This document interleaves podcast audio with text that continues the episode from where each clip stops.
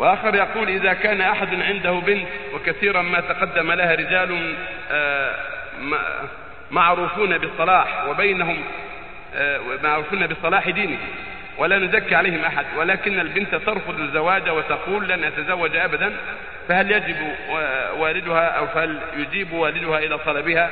أفتونا مأجورين جزاكم الله خيرا.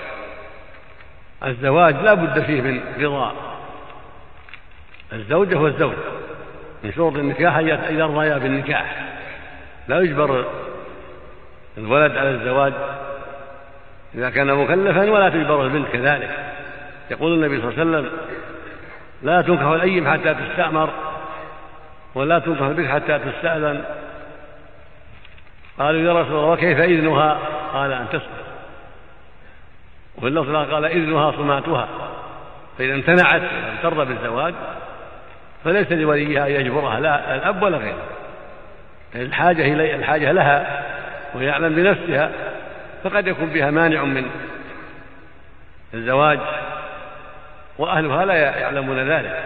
فالمقصود أنها لا تجبر ولكن تنصح.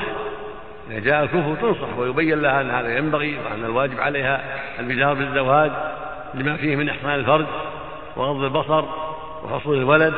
وتكفير الأمة إلى غير هذا من المصالح.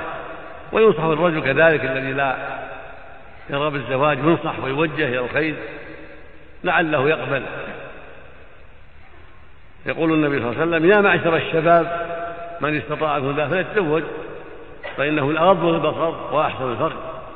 الحديث. والله يقول سبحانه وأنكحوا الأيام منكم والصالحين من عبادكم وإيمائكم إن يكونوا فقراء يغنيهم الله من فضله. ويقول سبحانه فانكحوا ما لكم من النساء مثنى وثلاث ورباع الآية. فالمقصود أن النكاح مطلوب من الرجال والنساء. بل واجب يجب على من عنده قدرة وعنده رغبة في النكاح ويستطيع أن يتزوج. ويجب على الفتاة أن تتزوج. إذا جاء الكفر ليس لها أن تعتذر ولكن لا تجبر لأنها أعلم بنفسها. الواجب عليها من جهة الله أن تتزوج. وأن تعف نفسها وتغض بصرها وعلى الرجل كذلك الشاب وهكذا غير الشاب.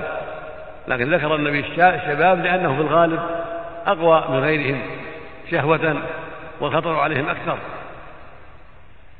وإلا فالكثير كذلك إذا كان ذا شهوة يجب عليه يتزوج وليس له التساهل في هذا. وبعض أهل العلم قالوا إن كان يخاف الخطر وجب عليه وإلا فلا ولكن ظاهر النص وجوب ذلك عليه ما دام ذا شهوة. ويستطيع. نعم.